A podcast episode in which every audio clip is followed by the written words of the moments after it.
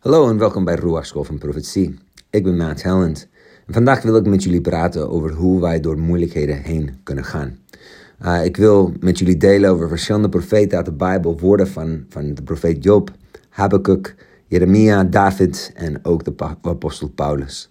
Um, ik wil gewoon woorden lezen van uit momenten dat zij aan het meemaken en ervaren waren, die juist veel moeilijker zijn dan wat wij de meeste van ons zullen ervaren in ons levens. Laten we beginnen bij Job. Uh, de profeet Job was um, een rijke man, veel kinderen, uh, veel bezit, veel dieren en ineens is hij alles kwijt.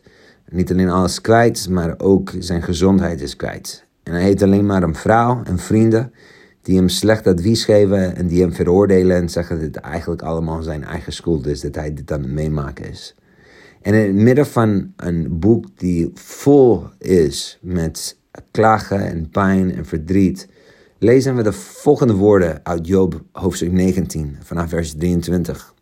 Och, werden mijn woorden maar opgeschreven. Och, werden ze maar opgetekend in een boek, boekrol. Werden ze maar met een ijzeren griffel en lood voor eeuwig in een rots uitgehaakt. Ik weet echter, mijn verlosser leeft en hij zal ten laatste over het stof opstaan. En als zij na mijn haat dit doorgeknaakt hebben, zal ik uit mijn vlees God aanschouwen. Ik zelf zal hem aanschouwen en mijn ogen zullen hem zien. Niet een vreemde, mijn nieren bezwijken van verlangen in mijn binnenste. Nou, hier zit Job in een hele moeilijke tijd. Maar hij begint gewoon verschillende dingen te verwoorden. De eerste wat hij verwoordt is verlangen naar eeuwigheid. Uh, hij wil graag dat zijn woorden gewoon opgeschreven kunnen zijn dat hij een impact voor alle eeuwigheid mag hebben. En gelukkig heeft hij dat wel niet door op een steen geschreven te worden, maar in de Bijbel.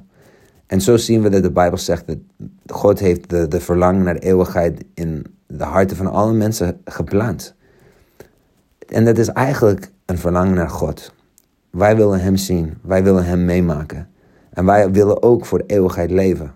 En gelukkig zegt Jezus, dat iedereen die in hem gelooft, zal voor eeuwigheid leven. En dat zelfs als ze doodgaan, ze zullen op, opstaan. En dat de dood zal niet de laatste woorden over ze hebben. En wat mooi is, is dat Job, zonder het te weten, in vers 25 begint juist daarover te praten. Hij, zegt, ik weet mijn verlosser leeft. En hij zal ten laatste over het stop op, opstaan. En de, de stof opstaan, dat, dat is eigenlijk de opstanding van de dood. Dat is de kracht wat hij gelooft, dat God zal aan hem laten zien. Dat hij dat zal meemaken.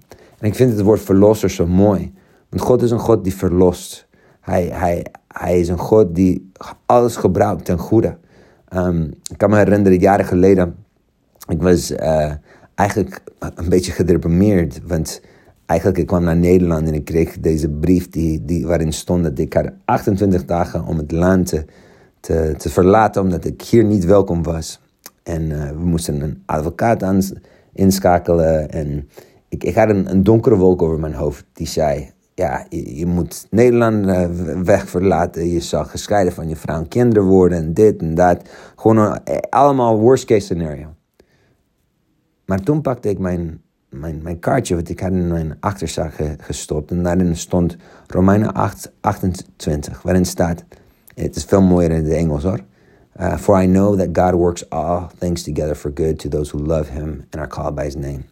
En ik begon dat gewoon te herhalen, want ik weet, ik weet, ik weet dat God alles ten goede, alles ten goede, alles ten goede kan keren. Voor degenen die van hem houden en, en voor degenen die geroepen zijn door zijn naam. En ik zei, ja, ik hou van u, ik ben door u geliefd, ik ben door u geroepen, u zal dit allemaal ten goede keren. En op dat moment ging gewoon alle duistere wolken wat over mijn hoofd was gewoon verdwijnen. Ik dacht, weet je wat? Waarschijnlijk gaan ze me niet deporteren. En zelfs als ze dat doen, laat me dan daarover piekeren en nadenken. En nu ga ik gewoon niet daarover nadenken. Ik ga gewoon op de Heer vertrouwen. En kijk eens, mijn omstandigheden waren niet zo erg als die van Job. Maar zelfs in die omstandigheden begint hij te praten over zijn verlosser. Een God die alles ten goede kan keren. Een God die de dood kan overwinnen. En voor degenen die kennen het einde van het verhaal, dat is precies wat gebeurt er met Job. Op het einde is alles wat hij kwijt is geraakt gewoon aan hem, aan hem teruggebracht. hij heeft de, verdubbeling van alle kinderen, van alle uh, ossen, van alle schapen, van alles wat hij uh, verloren had, krijgt hij gewoon terug maar tweevoudig.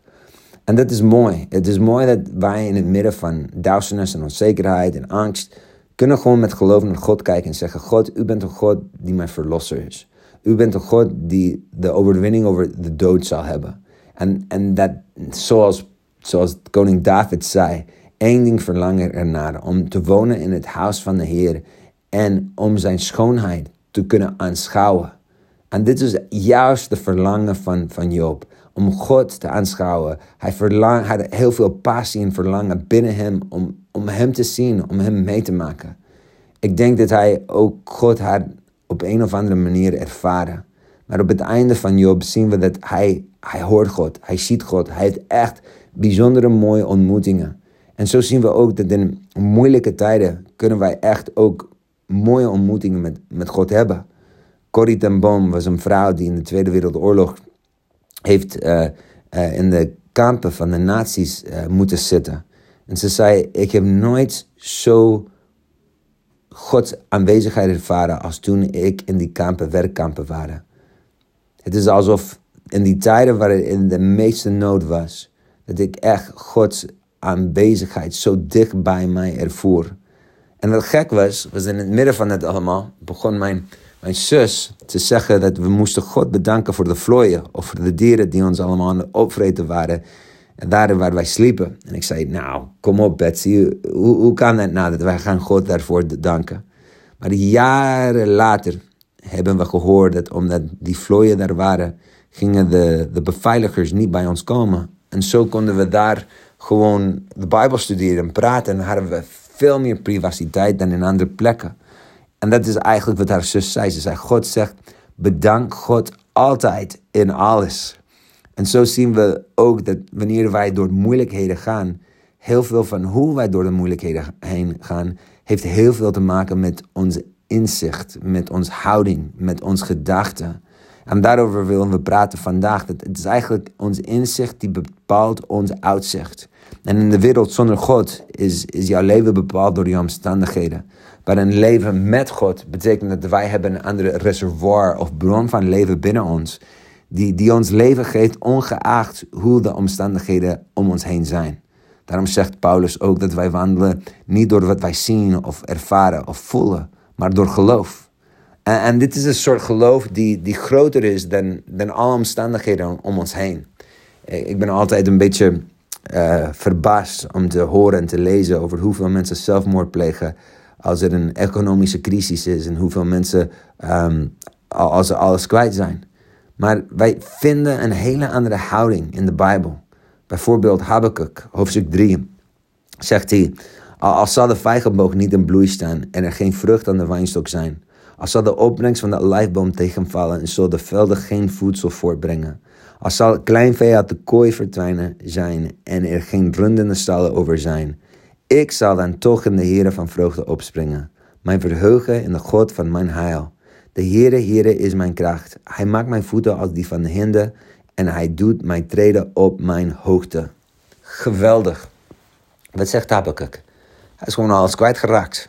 Geen eten, geen runde, geen, uh, geen vijgen. Maar hij zegt, maar toch, mijn heil is in de Heer. Maar toch kan ik mij verblijden in de Heer. Maar toch ben ik zoals een, een, een hint die hoog een veilige plek mag zijn. Weet je, deze tekst is van veel betekenis voor mij. Toen ik naar Nederland kwam, ik had een visie om duizenden mensen te bereiken, honderden gemeenten te gaan stichten. En na vier jaar had ik maar een klein groepje thuis, hadden we mensen gedoopt. En toen keek ik naar deze tekst en ik zei, weet je heer, het maakt niet uit hoe groot mijn bediening of mijn kerk is. Heer, mijn vreugde, mijn leven komt van u. En u bent mijn heil. U bent mijn kracht. En het is juist wat Jezus zei. Hij zei, degene die in hem geloven zullen een bron van leven en water in ze hebben. Dat ze gewoon volledig voldoening en leven van hem mogen ontvangen. Maar dat ze dat ook door mogen geven aan de mensen om hem heen. Dat ze licht in de duisternis mogen zijn. Dat ze zijn hoop en zijn liefde en zijn kracht mogen ervaren. En dit zien we niet alleen bij Habakkuk en we zien het niet alleen bij Job, maar we zien het ook bijvoorbeeld bij Jeremia. Jeremia heeft echt iets verschrikkelijks meegemaakt. Zijn hele staat ligt in de puin, uh, in de fik. Mensen vermoorden, gewoon verschrikkelijke dingen. Het is oorlog. En in het midden van klaagliederen, wat eigenlijk een, een lied is voor een begrafenis, vinden we deze bijzondere tekst van, van waaruit wij het lied Grote is Heer hebben. Dit is waar er staat in Klaagliederen 3, 22 tot en met 25. Het is de goedertierenheid van de Heer dat wij niet omgekomen zijn, dat zijn barmhartigheid niet opgehouden is. Nu zijn ze elke morgen, groot is uw trouw. Wat? In het midden van oorlog en chaos begint hij te praten over dat Gods trouw groot is. Dat elke morgen dat ze, nu zijn. En dan zegt hij, mijn deel is de Heer, zegt mijn ziel. Daarom zal ik op hem hopen. God is de Heer voor wie hem verwacht, voor de ziel die hem zoekt. Halleluja. In de midden van oorlog, in de midden van pijn, is hij aan het praten over hoe God ons nieuwe kracht, hoe God ons voorziet, hoe God bij ons is. En dit is juist zo belangrijk voor ons. Want waarop jij mediteert, waarop jij kijkt, dan krijg je of uh, kracht of dan word je zwak. Kijk, iedereen heeft geloof. Of het geloof is in angst, of geloof in, in, twijfels, uh, of geloof in Gods woord. Iedereen heeft geloof. En wat wij zien door alle deze profeten heen, maar ook de profeet David, is dat zij tot zichzelf gingen spreken. Hier zien we dit in, Psalm 103, vers 2. Het staat: Loof de Heer mijn ziel en vergeet niet een van zijn weldaden. Wat was hij hier aan het doen? Hij was tot zijn eigen ziel aan het praten. Soms moeten we tegen onszelf praten. Soms moet ik tegen mezelf zeggen: Matt Helland, je bent geliefd. God is bij jou. Als God is voor je, wie kan tegen jou? Ik, ik begin tegen mijn ziel te praten, zodat ik mag bepalen de woorden die ik ga opvreten, die ik ga eten. En dan, dan begint hij te zeggen om niet zijn weldaden te vergeten. Waarom zegt hij dit? Omdat wij hebben de neiging om dingen van God te vergeten. En hij begint en hij zegt zes dingen. De eerste drie zijn een groep en de laatste drie is ook een andere groep. De eerste drie zijn dingen die God uh, haalt ons weg van. Of, of wat hij weg van ons haalt. En, dit is wat er staat. Die al uw ongerechtigheid vergeeft die al uw ziekten geneest, die uw leven verlost van het verderf. Oké, wat zegt hij hier namelijk? Ten eerste, God vergeeft ons. God vergeeft ons van alle schuldgevoelens, van alle schaamte, van alle dingen die, die ons onwel maken. En wanneer wij zijn vergeving ervaren, dan maakt ook de weg open om zijn genezing te ervaren. Hij geneest ons ziekte. En niet alleen geneest hij ons ziekte, maar hij verlost ons van de doden. En dit is belangrijk. Met wie ga je om? Want je kan ook naar muziek luisteren of mensen luisteren die in plaats van dat je alle schaamte en verdriet weghalen, dat ze maken dat je erger voelt. En daardoor dat je je nog zieker voelt. En eigenlijk dat deze dingen leiden allemaal tot de dood. Maar gelukkig vergeef ons dat, genees ons en hij verlost ons van de dood. En daarnaast staat deze drie hele mooie dingen die u kroont met goedertierenheid en barmhartigheid. Stel je dat nu voor, dat jij een kroon op je hoofd hebt, die heet goedertierenheid en barmhartigheid. Dat zijn de dingen die God aan ons geeft. Dat wij in onze gedachten mogen overspoeld worden, gewoon met barmhartigheid en goedertierenheid. En daarnaast staat die uw mond verzadigt met het goede. Uw jeugd vernieuwd als die van een arend. Kijk eens, als wij God kennen, als wij beginnen tot ons ziel te praten in moeilijke momenten, dan wil, wat wil Hij doen? Hij wil ons kronen met goedertierenheid en barmhartigheid. Hij wil ons mond verzadigen, dat weten dat wij echt verzadigd mogen worden met zijn woord, met zijn leven. En hij wil ons nieuwe kracht geven, nieuwe energie, zelfs als dingen moeilijk zijn, zelfs als dingen, als we weten niet hoe verder. Ik vind het zo mooi om, om getuigenissen te lezen, bijvoorbeeld Bethany Hamilton, een, een jonge vrouw, nu, nu een oudere vrouw, maar toen een jonge vrouw die haar arm is gebeten door een, door een, uh, door een haai. En dat ze toch opgestaan is en ging toch weer leren surfen en is, is kampioen geworden van surfen. Of Nick Vujicic, een, een man die een boek heeft geschreven dat hij geen armen, geen benen, geen problemen heeft. Wow, wat een bron van inspiratie voor ons dat is. En beide zeggen dat hun bron van inspiratie is God. Dat God geeft hen de kracht om gewoon door te gaan.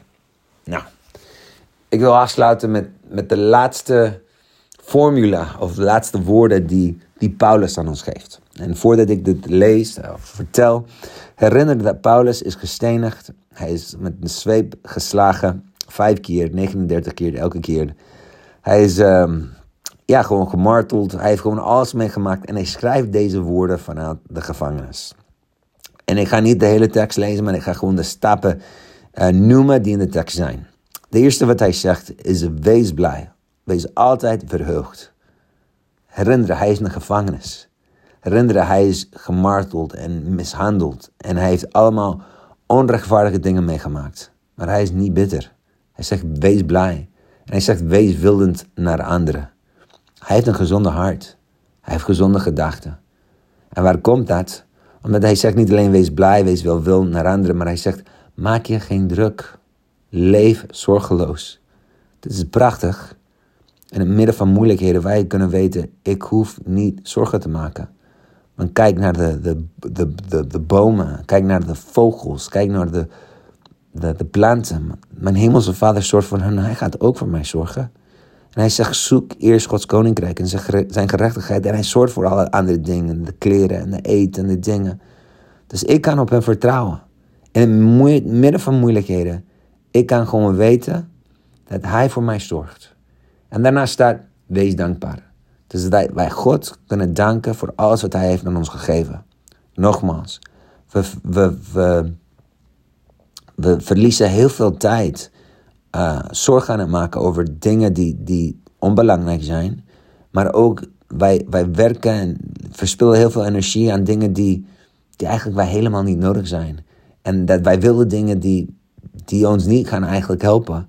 Dus we in plaats van kijken naar wat we niet hebben, dankbaar zijn voor wat we wel hebben. Dankbaar zijn voor alles wat God heeft aan ons gegeven. Ik kan me herinneren, was een jongen toen ik ging, uh, was een beetje verdrietig en mijn moeder zei: Ga 30 dingen opschrijven waarvoor je God dankbaar bent. Toen ging ik 30 dingen opschrijven en nadat ik klaar was met de lijst, was ik niet meer verdrietig. Ik was gewoon heel erg dankbaar. En daarna zegt Paulus: Vraag hem voor wat je wilt. Dus wij mogen gewoon God vragen. Ik kan me herinneren toen ik eerst ging trouwen met Femke, ik ging in mijn dagboek gewoon allemaal gebedsverzoeken opschrijven. Dingen wat ik wilde doen, wilde meemaken. En na anderhalf jaar heeft mijn vrouw die, die dagboek gevonden. En ze zei, alles waarvoor je God vroeg, alles wat je wilde, heeft God aan je gegeven. En ik dacht, wauw, fantastisch, geweldig. Dus wanneer wij zijn dankbaar en God vragen voor wat we willen, er is nog een belofte wat hiernaast komt en zegt, Gods vrede die boven ons verstand is, zal je hart en je gedachten beschermen. Het is alsof we krijgen een beveiliger op ons gedachten en ons hart. En dit is zo belangrijk in een tijd waar de NOS spreekt gewoon telkens weer over hoe onwel mensen zijn. Uh, psychische ziektes en geestelijke ziektes en allerlei dingen. Terwijl God zegt, ja, ik wil dat jij gewoon al je zorgen aan mij mag aanventelen. Ik wil dat jij kracht, uh, leven van mij mag ervaren. En dat ik je hart en je gedachten mag beschermen. Dat jij mag, door als, je, als je door de moeilijke tijden heen gaat, dat jij mag weten, ik ben bij je en ik hou je vast.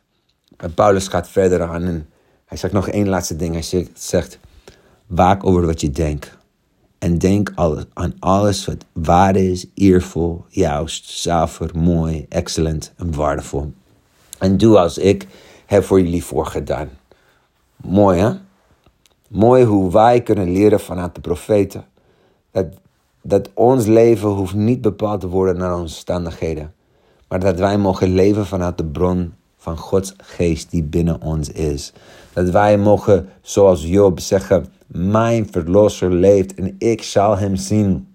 Zoals Habakkuk, dat wij kunnen zeggen: uh, dat, dat ik zal met vreugde opspringen als, als hinde op, op hoge plekken. Dat wij zoals Jeremia mogen zeggen, grote is God.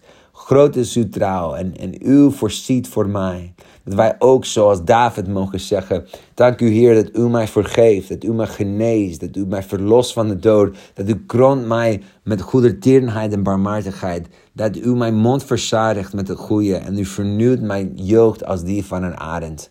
En dan dat wij, zoals ik heb gezegd in Filippenzen hoofdstuk 4, gewoon dat wij gewoon altijd ons mogen verheugen en, en geen druk maken En gewoon God dankbaar zijn voor, voor alles wat Hij heeft gedaan en zal doen. En dan dat wij een diepe vrede mogen ervaren die ons kracht geeft in de moeilijke tijden. Zoals zodat wij kunnen zijn zoals een ballon. Dat als je voelt met lucht en je doet het onder het water, het gaat altijd omhoog komen. Dit is precies wat, Paulus bedoelde toen hij zei uh, dat hetzelfde geest wat Jezus uit de doden heeft opgewekt, mag in ons wonen. En mag ons ook opwekken en leven geven. Niet voor na, alleen na de dood, maar ook nu in ons dagelijks leven. We ons bidden. Vader God, ik dank u voor iedereen die nu aan het luisteren is. En ik dank u, Vader, dat u helpt ons om vanuit ons mond ook woorden van leven over onszelf en de mensen om ons heen spreken. Dat wij mogen herinneren wat u allemaal heeft gedaan. En dat wij kunnen leven vanuit een plek waar onze omstandigheden bepalen niet wie we zijn of wat wij hebben of hoe, hoe wij ons voelen. Maar Vader, uw beloftes, uw aanwezigheid, uw vrede, die bewaakt ons, ons gedachten en ons hart. Overal waar wij naartoe gaan. Dat wij kunnen weten dat wij horen uw stem die zegt, jij bent mijn geliefde kind. Ik hou van jou. Zoals jij de profeten van oud hebt geholpen, dank u wel dat u ons helpt om door te gaan, om licht te verspreiden, om leven te geven, overal en altijd samen met u. In Jezus' naam. Amen.